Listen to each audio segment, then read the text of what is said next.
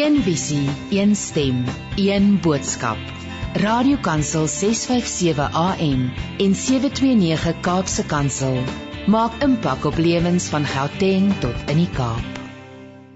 Nou ja, wat 'n wonderlike voorreg om uh, saam te kuier op die senders van 'n Radio Kansel en Kaapse Kansel. Natuurlik is dit weer perspektief se tyd, nê? Nee? En ai, ek sien so uit na hierdie saamgesels want daar is soveel interessante dinge.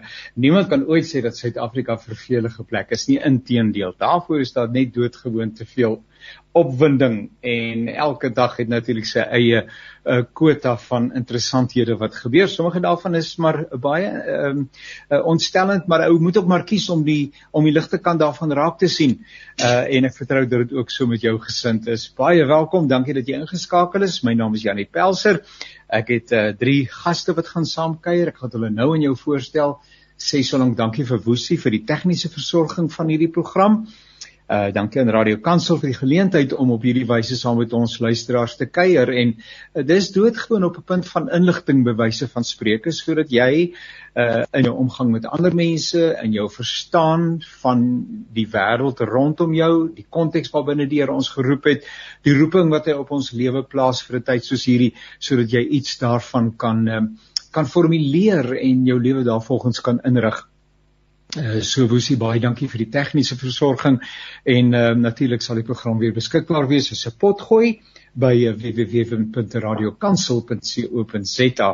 Eweneens uh, gesels ons komende Sondag, ek noem sommer nou by ons naweek aktualiteitsprogram, gesels ons oor twee interessante dinge. Die eerste is die hele vraag of 'n aanlyn diens ook 'n erediens is en of dit as 'n erediens beleef kan word. Die Gereformeerde Kerk het daaroor sinode sitting gehou, die saak verwys en ek wonder uh, sommige van julle het dalk besluit ek gaan nie weer kerk toe nie, aanlandstekens nie, kerk toe nie. Ek luister sommer by die huis. Nou sê van die Gereformeerdes nee wat, dis nou nie meer kerk. Wat is dan nou kerk? Kom ons luister eers komende Sondag om 1 uur in die program Naweek Aktueel En uh, dan gesels professor Tanya van Wyk oor 'n kinderliedjie, 'n Jesus het my mooi gemaak en die teologie van uh, daardie lied of dit in orde is. So, sommer baie lekker interessante dinge waaroor ons uh, kan saamkuier. Ons hoor net of ons gaste uh, by mekaar is. Verlede week het ons ietwat gesukkel met professor Theo Venter. Kom ons hoor of ons vir Theo kan hoor en of hy vir ons kan hoor. Goeiemôre, kollega. Kan julle my vanoggend hoor? Ons hoor jou so helder en duidelik. Dis wonderlik nou, om jou nou, stem nou, te hoor. Ek verskoning maak vir verlede week. Daar was 'n knoppie wat ek moes indruk wat ehm um, op my ouderdom ek al van vergeet het. En dis hoekom my mikrofoon nie wou werk nie. So die knoppie is nou op die regte plek. nou maar ons is baie dankbaar dat jy die knoppie weer ontdek het en uh, dan eh uh, uh, Gert van der Westhuizen, eh uh, broer Gert, jy is daarso? Hallo Janie, ja, ek is hier so. Hallo Tieu en hallo Dirk. Tieu, niemand kan jou kwaadlik neem nie. Ek weet ook nie meer watter knoppies om te druk. vir al die tyd waarin ons lewe en nou nou uh, terwyl van ons luisteraars ons sien mekaar u hoor nou net die stemme nê maar dit lyk vir my professor Dirk asof dit onstuimig gaan daar by jou. Ek weet nie of iets afgeval het of wat het gebeur nie. Uh, maar ons sien vir u en dan sien ons net hande en ek wil amper sê voete by geleentheid. Uh, ons vertrou alles is in orde daar by u Ja, dit is ek wil net my kamera reg kry, maar die klank is 100%. Ek is ek is nou weer met terug met my kamera. Ja. Goed, ons sal die kamera so met uh, met tyd sal ons bymekaar trek en so aan. Uh so baie baie dankie kollegas dat ons kan saamkuier en dankie weer eens aan ons luisteraars. Nou, julle sal onthou dis verlede week het ons met mekaar saamgekuier oor die voordrag wat ons geagte staatspresident sou lewer. Dit was op Woensdag het ons gekuier, Donderdag het hy uh, daai sogenaamde staatsrede of wat ook bekend staan as die SONA, uh, het hy voorgedra en dit word tans soos wat ons hier met mekaar gesels, word dit lewendig debatteer in die parlement. Gister, vandag en môre saam meneer Ramaphosa nou die geleentheid hê om 'n repliek te lewer. En dis veral vanuit oppositiegeleedere uh, dat uh, meneer Ramaphosa, nog hy, nog die ANC uh eh, ag ook mekaar sommer behoorlik die kop gewas word en uh en nie altyd uh ons sien word nie. En dis oor hierdie interessante gebeure en wat ons daarvan moet maak uh, dat ons vandag saamgesels. Gert van der Westhuizen is politieke redakteur by Netwerk 24. Professor Theo Venter is by die Universiteit van Johannesburg uh en uh, professor Dirk Kotse is by uh Universiteit van Suid-Afrika. Uh so ons uh, is dankbaar dat hulle uh, vir ons help. So kollegas, 'n hartlike uitnodiging soos in die verlede. Ons kuier sommer net lekker saam met mekaar en um uh verlede week toe ons saamgesels het, het ons gefilosofeer oor wat essensieel deel van meneer Ramaphosa se voordrag sou moes wees. Uh ten einde hoegenaamd relevant te wees vir die land en sy uitdagings. Nou daai voordrag is nou gelewer. So kan ons begin by u indrukke van uh die voordrag, die staatsrede van verlede uh donderdag. En nou uh miskien kan ons maar by Gert begin want hy's 'n man uh wat met die pen gereed sit om neer te skryf uh wat ander mense sê. Ja nee, ek wil eerder Tieu en Dirk se wyshede hoor. Ek wil dit eerder neerskryf. Eie.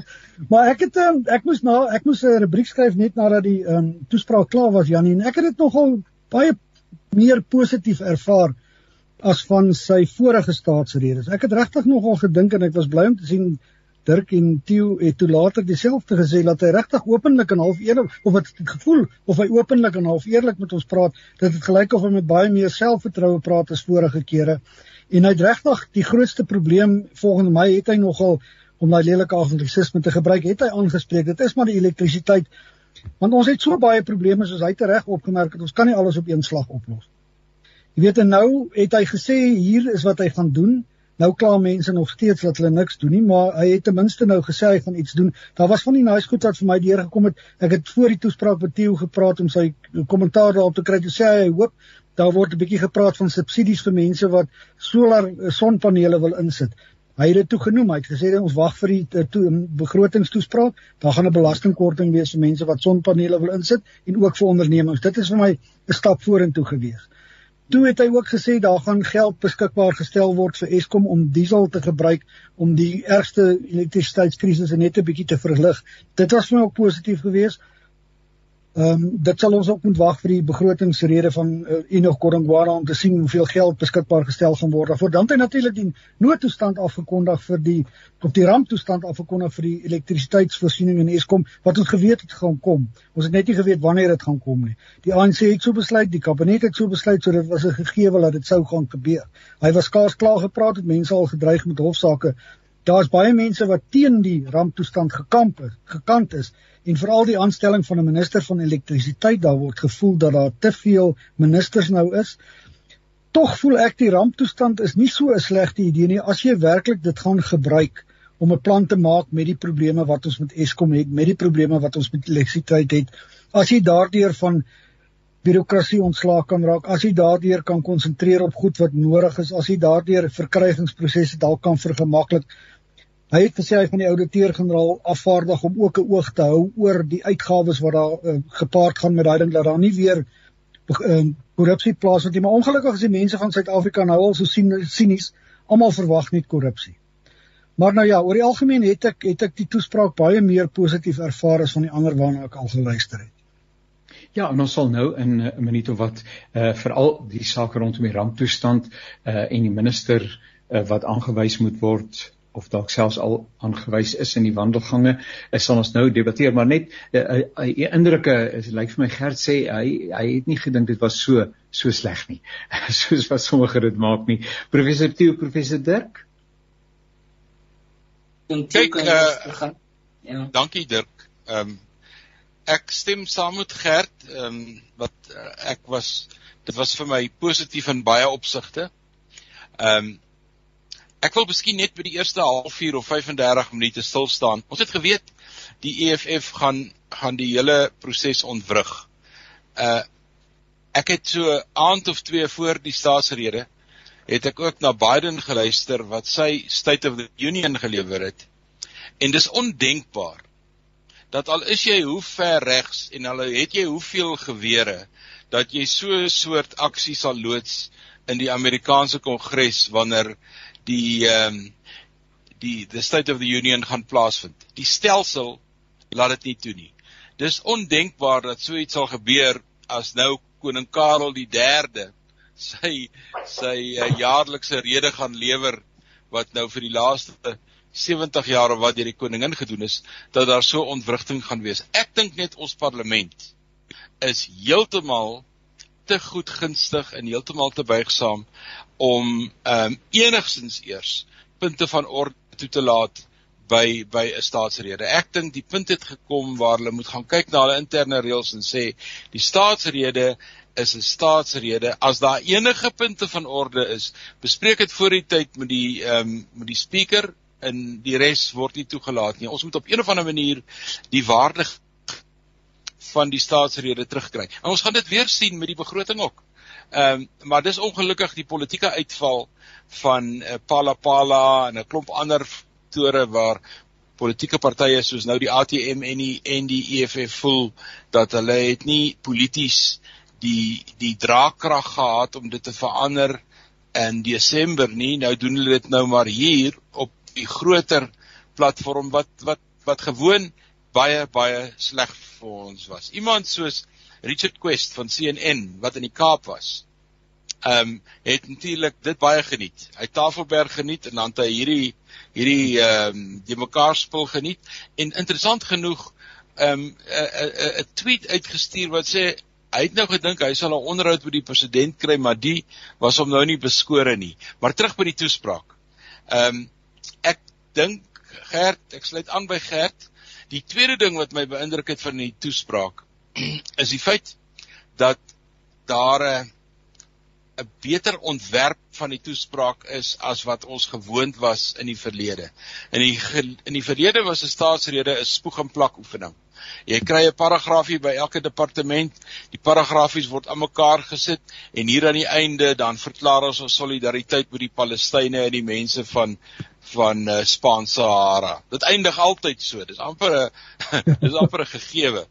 Maar maar hierdie hierdie keer kon ek ook sien en ook voorrig is dat daar 'n bietjie werk ingegaan het.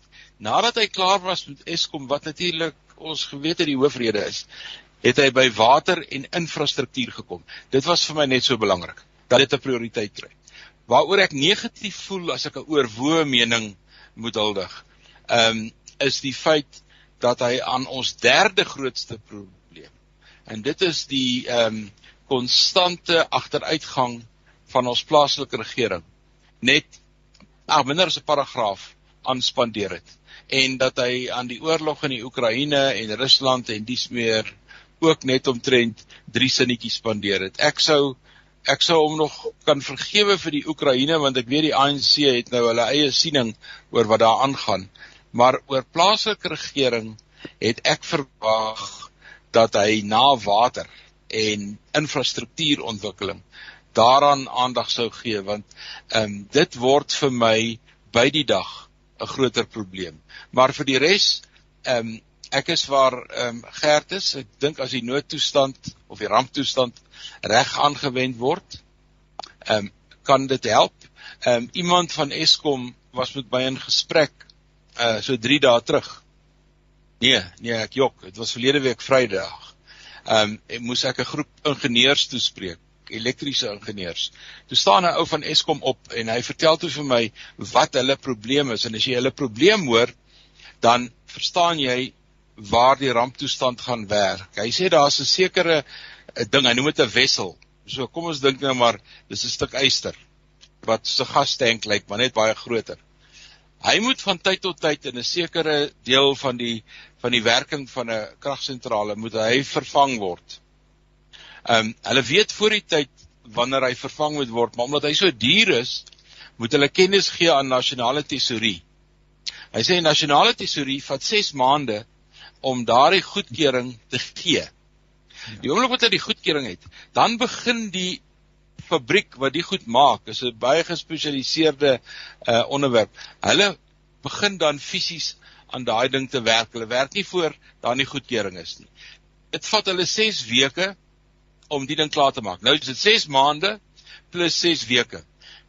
Uh en dan vat dit omtrent nog 'n maand om hierdie ding te installeer. Hy sê vandat die ding uh aangeteken word dat hy vervang moet word, kan ons begroot vir 'n jaar lank gaan daardie proses stil staan en die grootste gedeelte is die goedkeuring wat nasionale tesourie moet gee. Ek kan verstaan dat dit korter Inderdaad, uh, professor Dirk uh, en in uh, tesame met dit wat die twee kollegas nou gesê het en die eie indrukke, uh, wonder mens dan is dat dan nie 'n gedragskode waaraan parlementariërs hulle self moet verbind wat byvoorbeeld die tipe optrede wat 'n ou in die parlement kry uh tydens die voordrag en selfs nou en soos wat u reeds reg op, opgemerk het by die begrotingsrede weer waarskynlik gaan gebeur waaraan uh, mense hulle self moet verbind voor die tyd nie wat hierdie tipe van ding uitsluit nie Ja, ek dink ons almal verwag dit. Ek dink nie daar's 'n uitdruklike gedragskode wat hulle uh, moet onderteken of of uh, in die openbaar uh, onderskryf nie. Ehm uh, daar is natuurlik implisiete gedragskode en dit is dit wat beskou word as wat is parlementêr en wat is onparlementêr.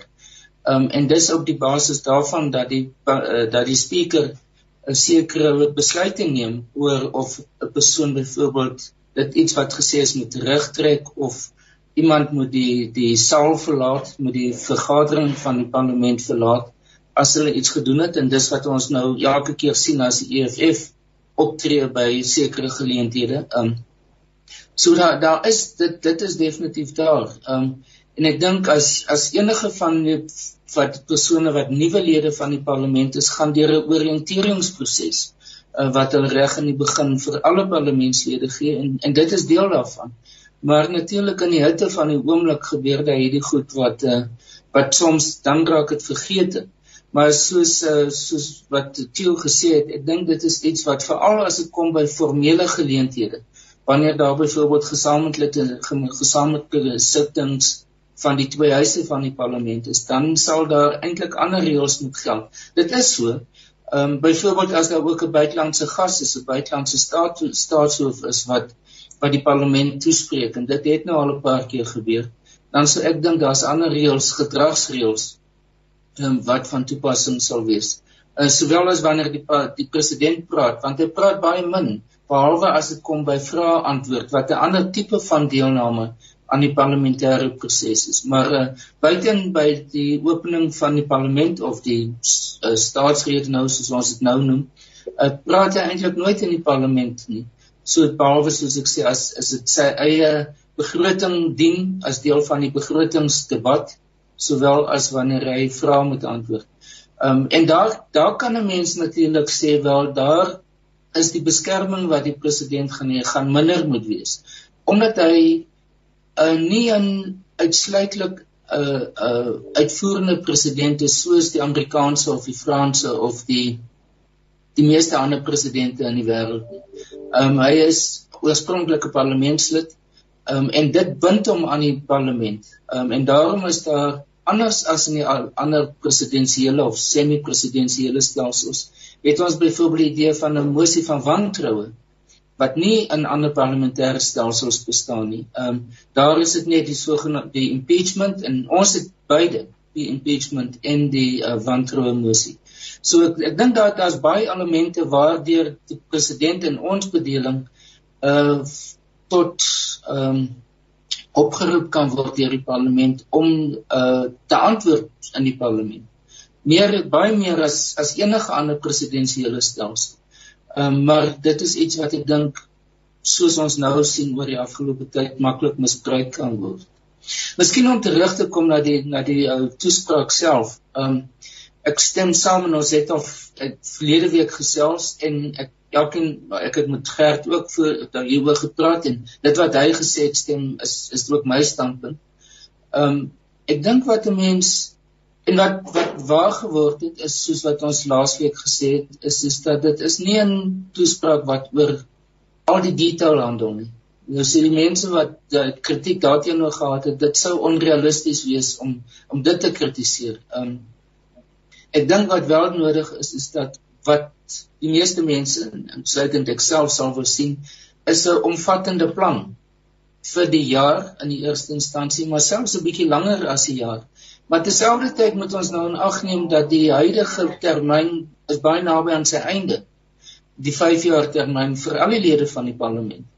Ehm um, wat beteken dat beide die nuwe kabinet wat saamgestel geword binnekort sowel as die dit wat oorbly gaan eintlik word nou eintlik amper 'n tussentydse periode.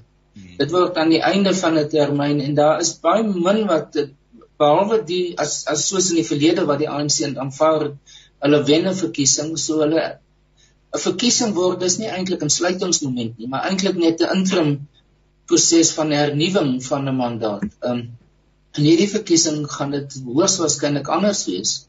Ehm um, en dat die die konsep van wat die mandaat van die aankomende regering gaan wees, gaan dus verskil. Die eerste keer heeltemal anders wees sedert 1994.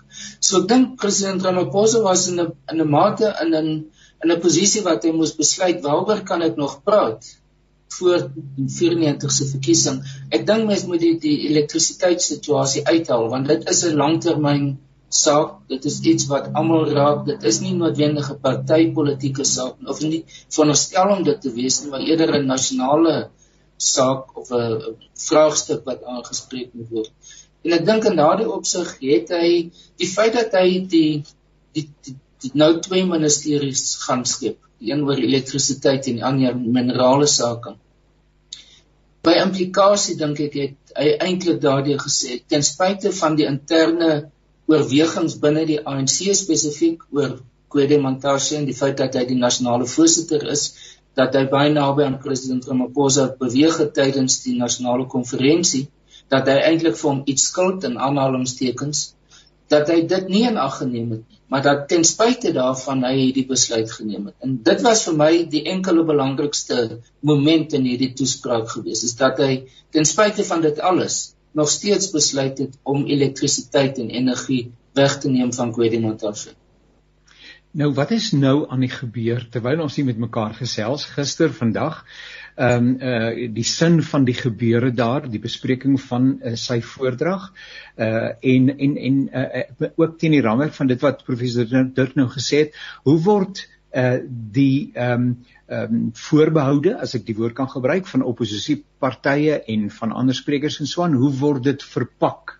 Uh uh, en en dan ook Morris se se repliek waar die staatspresies moet hy dan nou verdedig wat hy gesê het of moet hy sê ek het nou iets kan hy sê ek het nou iets gehoor wat ons nie in gedagte gehou het nie en ons gaan dit definitief uh, iewers probeer verreken uh, of uh, skop hy nou vas en sê wat ek gesê het het ek gesê so wat gebeur wat is wat is nou ja, aan die gebeur Janie, daar en hoe speel dit uit? Ja. Janie ek dink nie een van die twee logiese punte wat jy gemaak het geld nou vir, vir gister vandag en môre nie. In die eerste plek is die is die debat oor die oor die sona is een van die min geleenthede in die parlement waar jy kan praat oor enige ding. Jy kan nou regtig praat oor dit waaraan jy belangstel. Jy hoef nie eens te reageer op die president se toespraak nie. Dit is die reëls van die parlement. So dit is ehm uh, as ons nou ooit gedink het aan politieke teater, hier het jy dit. En die president kan antwoord wat hy wil. Hy hoef nie noodwendig die vrae te antwoord nie en baie keer is die antwoorde wat die president lewer of die repliek is baie baie fyn uitgesoekte punte waarop hy wil reageer. So ons het ehm um, ek wil amper sê ons het die formele politiek wat ons voor ons sien afspeel in die parlement en die toesprake wat gehou word en ouens wat kwaad is en ouens wat in ander tale praat en mense wat ten hemele skree. Al daai goed het ons. En dan kom die president en volgens 'n uh, plegtige ooreenkoms antwoord hy nou, maar hy antwoord net wat hy wil. Maar dis die aard van ons parlementêre proses. So is dit maar sommer net ek ek daai woord politieke teater was ook in my eie gedagtes gewees.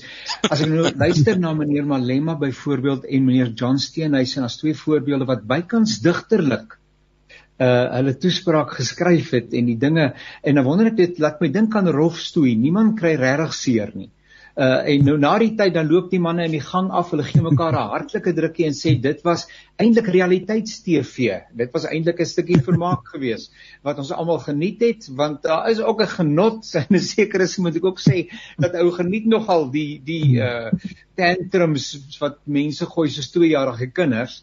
Uh en ehm um, maar nou ja, uh, Gert uh, professor Dirk wat is die sin dan van hierdie oefening want dit kos sekerlik geld.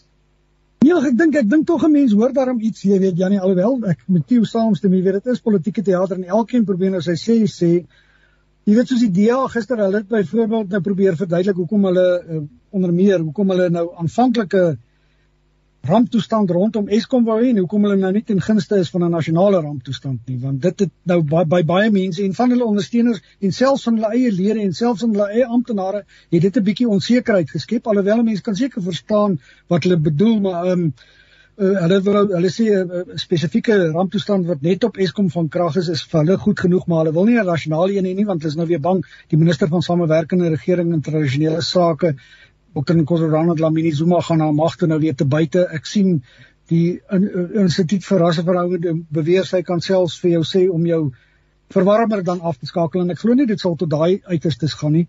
En daar's mense wat sê daar gaan weer, jy weet, um, um, inperkings afgekondig word vir die regering om krag te spaar, maar twyfel of so iets sal gebeur want as die regering krag wil spaar, pas hulle net beerdag toe, jy weet.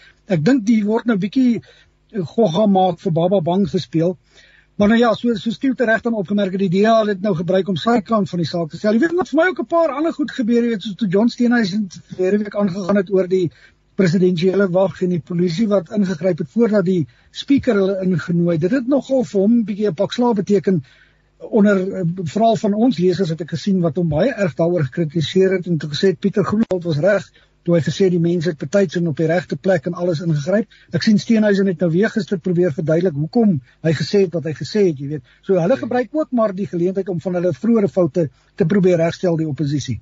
Ek wil net weer terugkom na die EFF, jy weet. Ek wonder en en ek sal graag wil hoor wat wat Dirk, Dirk en Tieu ook sê, jy weet. In 'n stadium in die Zuma era was die parlementêre oppositiepolitiek bietjie dood.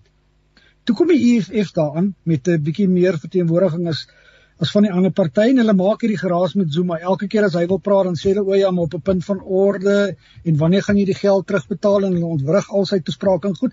Toe het dit vir my 'n bietjie nuwe lewe geblaas in die oppositiepolitiek want toe die ander partye ook begin sterker aangaan oor Zuma, maar nou gaan dit vir my eintlik 'n bietjie te ver.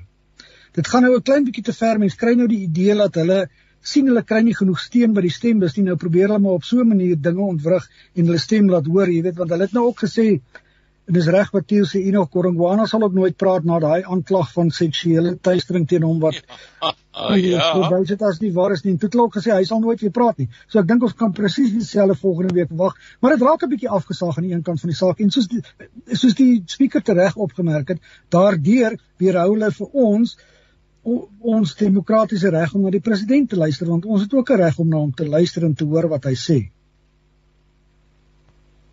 professor Ter daarmee saam ehm um, uh terwyl hy die die manne op die tafel is bewyse van spreuke of ter bespreking op 'n manier is kan ek sommer 'n bietjie vooruitgryp. Iewers herinner ek my aan ehm um, uh aan 'n opskrifie wat ietsie gelei het soos ehm um, ek weet nie of die ANC bemagte is om die EFF in die bek te ruk of wie ook al die die EFF in die bek gaan kan ruk nie. Nou nou op die oomblik ek luister vanoggend net nou uh iewers in die motor na uh een van die uh verteenwoordigers van die EFF wat praat oor die 20ste Maart is uh, se ehm um, sogenaamde total shutdown. En ons weet dat waar ander mense en ander partye daar nog 'n mate van uh dissipline het, uh dreig hierdie manne sê geen saak sal funksioneer op daai dag nie. Daar sal geen funksionaliteit van enige departement wees nog in die Unie gebou of nog op enige ander plek nie. En nou weet ons as iemand dit sou waag om wel 'n besigheid oop te maak, uh die die die krisis is in daai daai waarskuwing byvoorbeeld. Ehm um, ek kan iemand die mense in die bek ruk. Dis eerder 'n dreigement as 'n waarskuwing. Ja. Ja, dink van my kant af, ehm um, aan die een kant natuurlik het is ons konstitusionele bedeling van so hard nou dat ons protes is al 100% wettig is 100% konstitusioneel solank as wat dit vreedsaam is. Um, en solank as wat dit nie ander mense bedreig en hulle regte ook beperk. So dit dis dis 'n baie fyn skeiding soms tussen wat dis eintlik toelaatbaar is en wat is is onwettig of ontoelaatbaar. Ek dink so mense moet versigtig wees om die idee van protes nie te probeer dooddruk nie. Want ek sê dikwels dat een van die redes hoekom daar nie 'n Arabiese lente in Suid-Afrika sal wees nie, is presies om daardie rede dat daar is uitklaakklippe vir mense se frustrasie wat binne die demokratiese bedeling moontlik is wat in daardie lande wat autokraties is of eenpartytelsels is en wat gewoonlik as daar demonstrasie is word mense doodgemaak word hulle geskiet deur of die weermag of die polisie. So ons moet versigtig wees om te ooreageer in terme van daardie protesidee want dit is dis iets wat ek dink almal van ons aan moet gewoond word dat dit is deel van 'n demokratiese bedeling maar met sy beperkings. Ek dink wat mense ook moet in ag neem en daar stem ek met eh, met Gert saam is dat ek dink as die EFF hipoteties gesproke as die EFF byvoorbeeld nie daar was nie, hoe sou ons oppositiepolitiek gelyk het? Relatief dood, relatief sonder inisiatief Ehm um, en mense gesê het, het ons werklik dan 'n multipartytelsel wat baie lewendig van aard is en waar pas die parlement in hierdie prentjie in? Ehm um, die die EFF neem dit ek dink het dit nou te ver geneem in die sin van dat hulle hulle strategie uitgeput het. Ehm um, dit het so bekend en so voorspelbaar geword dat dit het nie meer die impak wat dit oorspronklik gehad het nie. So die ondersteuners van die EFF sê self, wel dit lyk asof hulle nie eintlik 'n baie kreatiewe leierskap het nie. Um omdat hulle nie na verskillende maniere van politiek bedryf kyk nie. Ag die grootste gedeelte van hulle politiek is optogte na byvoorbeeld die Franse ambassade omdat hulle in Afrika is, na die Suid-Afrikaanse gesondheidsprodukte uh, uh agentskap oor die inentingsstowwe uh na kliks en ander so dit is eintlik issue gebaseerde politiek wat hulle speel. En ek dink dis iets wat uh wat beteken wat waarvoor wat die rede is hoekom die EFF 'n plafon bereik het. Um en omdat dit lyk asof hulle hier op die 10% vlak naaste by tot stilstand gekom. So as as dit die geval is wel ons sien nou op plaaslike hoofreidsvlak dat daar bewegings is tussen die ANC en die EFF, maar nie soos wat die publiek in die algemeen dink dat daar nou 'n nuwe vennootskap is tussen die twee nie. Um Ikuruleni is die is die beste voorbeeld daarvan dat hulle en eintlik Johannesburg ook dat hulle nie tot 'n vergelyking kom nie. Gaan 'n paar jare wat terug na die parlement waar hulle nie 'n vergelyk kon bereik oor die die amendering van die grondwet oor onteiening nie. Ehm um, so daar is fundamentele verskille en ek dink Dis goed vir Suid-Afrika dat hierdie dinamika tussen verskillende partye of die regerende party en sommige van die oppositie plaasvind. Ek weet vir die publiek is dit irriterend of frustrerend en dat hulle vir hulle voel dit moet 'n werkende stelsel wees wat vinnig resultate kan wys. Maar nêrens in die wêreld werk die politiek so nie want die politiek is eintlik 'n 'n 'n smeltkroes waar verskillende idees van die samelewing bymekaar kom en iets daaruit nuut moet vorm. Um, en dit dink ek is nog steeds die oors, is die oorspronklike idee in my mening van 'n demokratiese bedeling en veral ons wat nog 'n relatiewe nuwe demokrasie het van 30 jaar is ons besig om daardie dinamika van onsself nog uit te werk. So wat ons sien is daarom is ek nie oorkrities oor wat ons op die oomblik sien nie. Partye gaan hulle eie lesse leer van wat werk en wat nie. Jannie kan ek net aansluit by wat Dirk nou gesê het. Ehm um, hy het 'n baie belangrike punt gemaak maar nou nie verder daarop uitgebrei nie. En dit is dit wat die EFF in die parlement gedoen het kan nou 'n gesprek beïnvloed wat in Johannesburg plaasvind of in Pretoria of in Ekurhuleni en dis een van die uh stukke volwasse wording van koalisiepolitiek. Jy hoef nie 'n bepaalde pos in dieselfde stad of metro te kry as jy 'n koalisie aangaan nie. Dit kan ook 'n transaksie wees wat sê werk julle saam met ons hier, dan gee ons vir julle die burgemeesterskap in Beaufort Wes. Of doen julle dit vir ons in hierdie provinsie, dan help ons julle in daai provinsie. Dit is waar die koalisie dan 'n nasionale soort van 'n patroon begin kry dat politieke partye besef jy hoef dit nie direk presies op dieselfde plek te kry nie, maar dat daar groter ooreenkomste gevestig kan word. En ek dink die EFF gaan daai les baie hard leer. Die oomblik toe 'n man op die verhoog spring, toe ehm um, toe spring daar 'n paar goed van die tafel af. Kan ons dan 'n bietjie gedagtes wissel oor die ding waaroor almal in rep en roer is, veral dan nou uh gister en sekerlik vandag weer 'n keer oor die sogenaamde ramptoestand en alles wat daarmee gepaard gaan. Ek herinner my dat is dit die Vryheidsfront Plus wat sê hoe kan die mense wat die krisis skep, die krisis bestuur? Uh probeer om die krisis op te los. Ehm um, en word die hele krisis vierkantig voor die deur van die huidige politieke uh orde uh geplaas. Ehm um, so so daar is tog daar is tog meriete in die argumente wat aangevoer word. E, ek hoor wat u sê en en, en mense vind dit vreemd dat die DA nou agteroor staan en sê maar dieselfde ding wat hulle bepleit het moet nou nie meer gebeur nie en hulle wil hofsaake maak in die verband. Maar mense kry so half die gevoel van dit is die manier waarop ons geagte staatspresident werk. Wanneer daar 'n uitdaging is, word daar nog 'n struktuur geskep.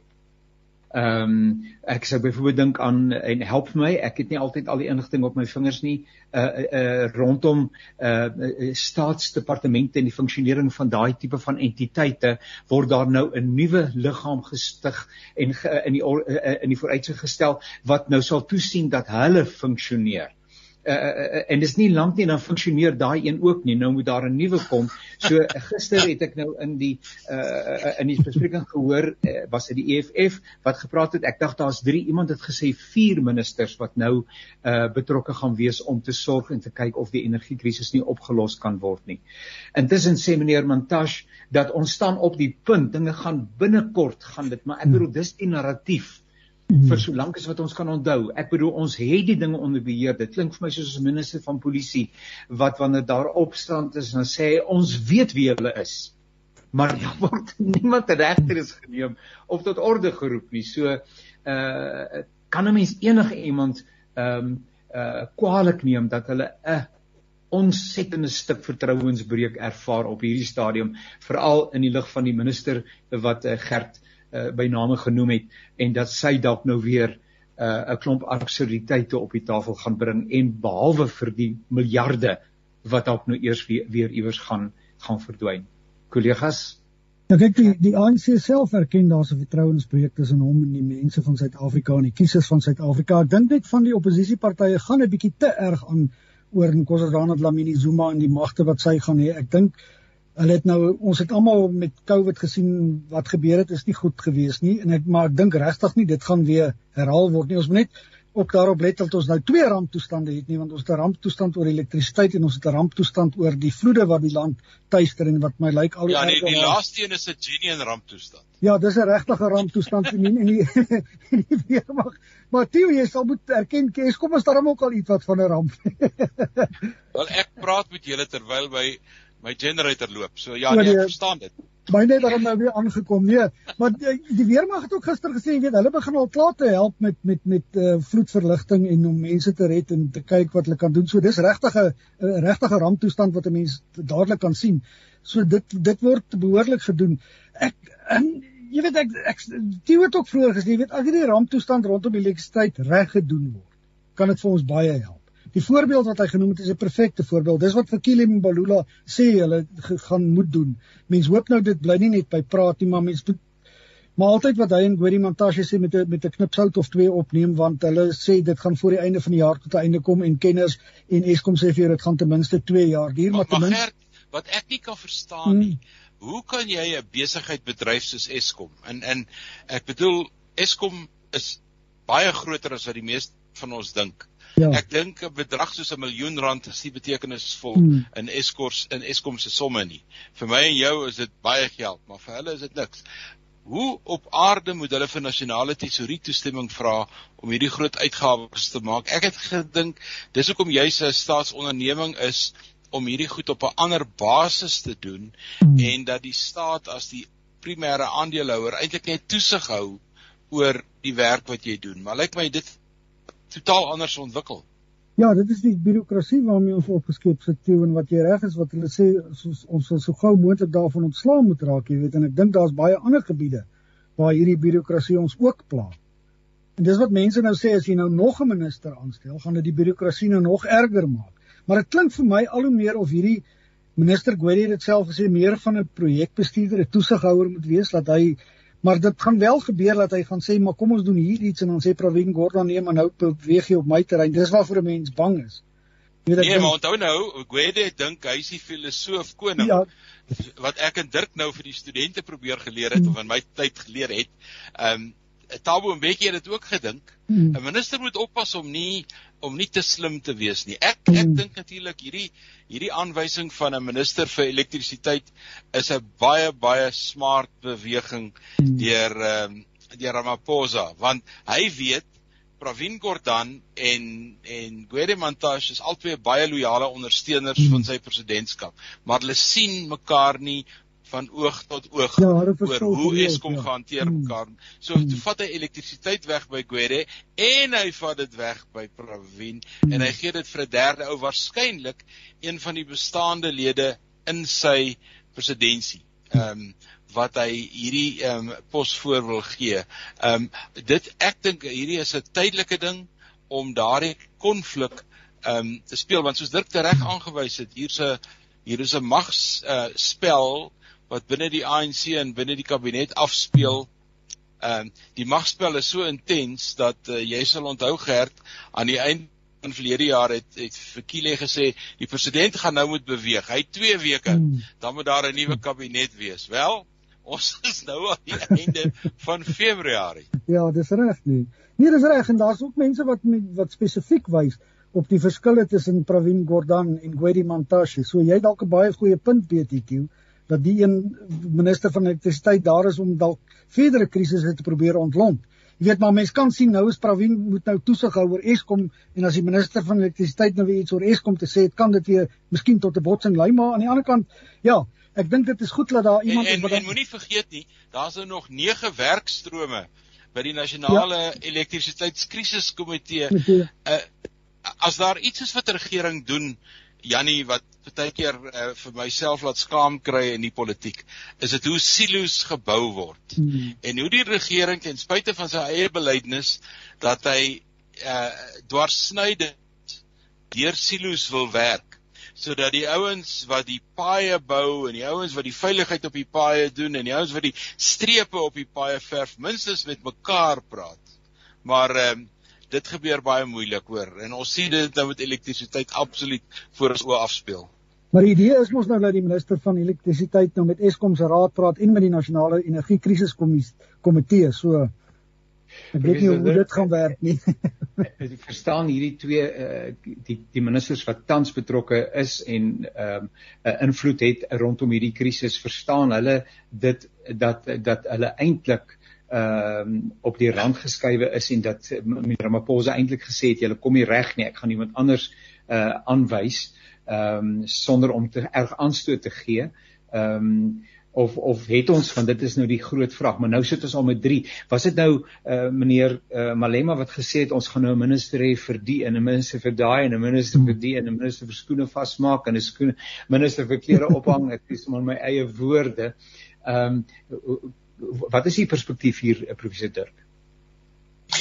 Ja, ek het my perspektief is klein bietjie anders. Ehm um, ek in die eerste instansie dink ek die feit dat die minerale of mynbou van elektrisiteit of energie geskei is is 'n baie praktiese en 'n baie belangrike skei wat gemaak is om twee redes. Die eerste een is dink net jouself in. Die mynwese is een van ons grootste sektore in Suid-Afrika se ekonomie op die oomblik. Terselfdertyd is Eskom die grootste kopseer in Suid-Afrika op die oomblik. Vir een minister om albei te kan hanteer is net onmoontlik. Ja. Net op 'n praktiese manier haal al die politiek, al die ideologie, alles uit dit uit, net op 'n praktiese vlak. As daar 'n minister is nou wat uiteindelik net die verantwoordelikheid het om die die die herstel van van Eskom se infrastruktuur, sy sy operasies uh, die ontwikkeling van Eskom om dit te kan uh, hanteer, dink ek is daar 'n beter kans daarvoor. Terselfdertyd is uh, Pravin Gordhan se departement van openbare ondernemings verantwoordelikheid uh, het om Eskom se skuld te bestuur, die 400 miljard wat wat daar te sprake is, sowel as om die die besigheidsmodel van Eskom vir die toekoms, die ontbondeling in die drie eenhede om dit te kan hanteer dan gaan dit ek dink meer werkbaar word. As die die groot voorwaarde is dat dit in die praktyk wel die werksverdeling gaan word wat gaan plaasvind.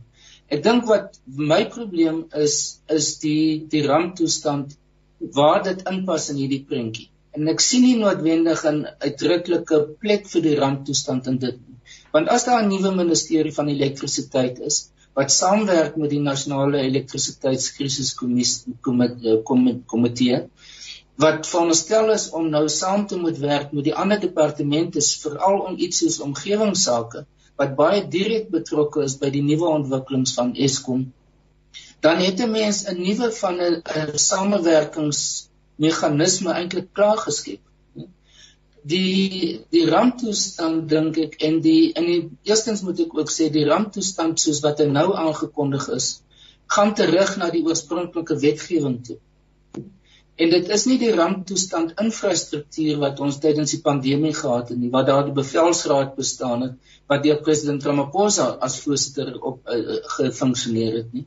Dit lyk asof daar nou hierdie interregeringskomitee is wat die minister Lamini Zuma die voorsitter van moet wees en dan die nasionale ramp uh, sentrum wat net langs die Unie gebou is, dat hulle die meer betrokke daarbey sal wees. So dit is dis 'n dis 'n ander tipe van ramp bestuur wat hulle lyk my in gedagte het. Um, maar die punt is wat kan hulle daar doen wat ehm um, wat eintlik nie reeds gedoen kan word nie. Byvoorbeeld anders as met 'n noodtoestand kan 'n ramptoestand kan nie bestaande wetgewing ophef nie. Die ramptoestand is nie 'n konstitusionele bedeling nie. Daar word nie daarvan in die in die grondwet verwys nie. Dit is net gebaseer op wetgewing. Terwyl 'n noodtoestand, 'n state of emergency, is iets wat redelik direk beskryf word in die grondwet en met uh, voorwaardes van hoeveel hoe wanneer dit hernie moet word dat daar 'n debat in die parlement moet wees. Niks daarvan geld vir vir vir ramptoestande. So ek sal ek is nog geïnteresseerd om te sien wat gaan uiteindelik die die funksie van die die ramptoestand en die bestuur daarvan wees. Um want hulle gaan nie dieselfde kan doen in terme van sosiale bestuur soos wat ons tydens die COVID in ramptoestand gesien het. Hulle het nou een instrument wat alles opvang en dit is uh um uh, om ons elektrisiteit af te sny vir sekere ure van die dag alle sosiale gebruike, alle sosiale praktyke, alle so moontlike sosiale wanpraktyke kan deur daardie een onmiddellik opgevang word.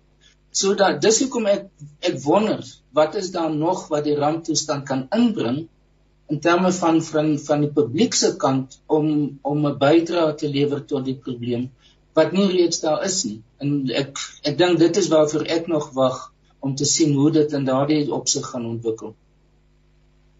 Is die ramptoestand is dit uh, help net vir my um, is die ramptoestand wat ek het gisterand gelees iewers dat dit ten spyte van die ramptoestand is daar nog geen aankondiging in die staatskoerant nie wat klaar blyk dat daai minister uh, se verantwoordelikheid sou wees. Met ander die ramptoestand is reeds 'n werklikheid verkeer ons ja, dit, reeds in die ramptoestand ja, afgekondig. Ja, ja. dis 'n werklikheid. En so om nou daaroor te uh, te uh, uh, hofsaake en sulke dinge nou te probeer bedryf watter watter sin het dit hoegenaamd? Wel dit het sin in die onthou nou ons het 'n hele ehm um, hoeveelheid hofsaake gehad tydens Covid waarin die grondwetlikheid van 'n klomp van hierdie goeters getoets is. So daar is 'n goeie klomp ehm um, hofsaake, wetgewing, praktyke wat ontwikkel het oor die laaste 2 of 3 jaar en ek dink uh, solidariteit en sake liga en die ouens wat dit gedoen het, ehm um, se regspanne weet waarmee hulle besig is, maar ek ehm um, self twyfel of daar foute was met die prosesmatige afkondiging. Dis in die staatskoerant gepubliseer en kort daarna het die regulasies uitgekom dit is die storie. Ek dink die hofsaake gaan eintlik meer oor is dit nodig? Is dit noodsaaklik? Kan dit nie op 'n ander manier gedoen word nie? Kollegas, ons tyd is bykans verby, so ek gaan vra dat u so ietsie sê oor uh in terme van jong publiek, uh, gewone mense wat nou nie uh, noodwendig ehm um, so intense belangstelling het of probeer as ek nou luister hoe dit u uh, en dit help vir my ook so baie om te sê maar op 'n manier is ons besig om as jong aanstekens jong demokrasie ehm um, 'n uh, 'n dinamiek 'n bepaalde dinamiek te ont, ontwikkel en is alles wat ons sien en hoor nie noodwendig sleg nie. Uh, dit bring 'n bietjie lewe dit bring bietjie energie dit gee vir mense die vrymoedigheid om op te staan en te sê maar ek stem nie mee saam nie. So daar is daar's 'n pluspunt in al hierdie maar wat jy op grondvlak is onverkoeklike verwikkelinge beleef. Uh dit dra niks by nie. Al wat ons wil hê, sou Jan publiek kon sê, is om wanneer ek die lig moet aanskakel, daar elektrisiteit is. As ek die die ketel wil aanskakel, dan kan ek koffie maak. Ehm um, besighede wat sê ek het wil dit nie nodig vind om toenemend uh, onder hierdie druk te verkeer en uiteindelik uh moet ek my werkers laat gaan ensovoorts ensovoorts. So vir gewone mense by wyse van spreuke. Ehm um, uh nie dat u nie gewone mense is nie, maar u, u het ook 'n bepaalde hoed op. Kan ek maar begin by professor Tieu? Ehm um, 'n uh, slotgedagte asseblief. Uh, daai woord Q-waardes is so lekker woord om mee te werk want dit maak vir jou sommer 'n veld oop en dan moet ander mense dit nou gaan invul. Uh, Jannie, dit daar's beslis daar's beslis 'n uh frustrasie onder mense baie breër as net um, die wat briewe in die koerante skryf of wat die vermoë het in die stede om dit op verskillende maniere te hê. Ek wat in 'n in 'n plattelandse provinsie bly, Noordwes, ehm um, weet waarvan ek praat oor wat die frustrasie is wat die regering op die oomblik besig is om te bestuur. En hierdie frustrasie het 3 of 4 risiko's. Hy het 'n hy het 'n sekuriteitsrisiko Met ander woorde mense hou betogings, hulle hou demonstrasies, hulle steek geboue in die brand en al sulke soort van dinge. Hy het 'n gesondheidsrisiko. Die hospitale in die stede kan nog funksioneer, maar die hospitale in die platteland nie. Hy het 'n onderwys ehm um, dimensie. Die ons die skole in die stede en in die metro's het alternatiewe prosesse. In die platteland gaan staan die stoel, skool stil en die skole het nie internet nie. So die die die impak wat hierdie ding het is so wyd en ek dink die regering besef terdee dis waarom Eskom dink ek so uh voorgehou word as die probleemoplossing van van hierdie jaar. As hulle besef terdee dat as hulle volgende jaar die volk in die gesig moet staar en as ek nou die term volk gebruik dan gebruik ek hom in sy breedste sin ehm um, dit dan uh, dan gaan hulle iets eers moet verander Hulle gaan iets eers moet verander om die frustrasie rondom water, rondom skole, rondom dienslewering, rondom plaaslike regering, al daai goeters in een pakkie moet eers opgelos word en ek dink amper Eskom het die het die simboliek geword van pogings om daai probleem op te los. Professor Theo Venter, Universiteit van Johannesburg, baie baie dankie vir u deelname. Professor Dirk, u het 1 minuut om 'n uh, ietsie te te deel wat op die hart is. Ja, ek dink die Eskom soos soos ons nou gepraat het, is is en elektrisiteit is die groot kwessie. Dit raak alle dimensies van ons samelewing. Ek dink dit is dis waarskynlik een van die hoofredes vir die feit dat die ANC so dramaties uh, steen verloor het en besig is om steen te verloor. Dink toe hulle vlak 6 bereik het, het die kameel se rug gebreek na my mening. Ehm um, en ek dink wat ons dus nou sien is die nagevolge daarvan en die feit dat die ANC eintlik in 'n situasie is wat hulle nie regtig weet hoe om die proses om te keer. So daar is dis dis kort relatief kort termyn benaderings wat plaasvind. Hoopelik was dit wat president Ramaphosa nou aangekondig het, meer 'n langer termyn beskouing dat dit van die onmiddellike net noodtoestand, noodsituasies kort uh optrede dat dit 'n langer termyn projek begin word. Wat ook belangrik is, ek dink dat die samelewing in die algemeen begin nou die saak in hulle eie hande neem. Ja. Mense begin hulle eie vorm van elektrisiteit. Op die lang termyn dink ek gaan dit baie goed wees, want dit dit lei tot 'n diversifisering van elektrisiteit. Dit lei tot tot uh, die feit dat daar nie meer 'n monopolie in die toekoms gaan wees nie. So alhoewel ons deur 'n baie baie moeilike tyd nou gaan, dink ek die langtermyn gevolge daarvan gaan waarskynlik baie positief vir die die hele samelewing wees. Professor Dirk Dirk Kotse van die Universiteit van eh, Suid-Afrika baie baie dankie vir u deelname. Ehm um, uh, Gert, uh, ek sien jou teen die agtergrond van jou studeerkamer wat nou al amper bekend is. Jy het dus nie die rit Kaapstad toe onderneem nie. Uh Nee, dit nie. so jy jy moet bietjie maar inluister wat ander mense sê en so maar so laaste woord van jou kant af. Ja, ek ek ek, ek weet nie eintlik wat ek nog kan sê nie want Dirk en Theo het perfek opgesom nie. Ek dink regtig waar dis vir almal 'n frustrasie, vir ons, vir almal, vir ondernemings wat baie geld moet uithaal wat hulle nie noodwendig het nie.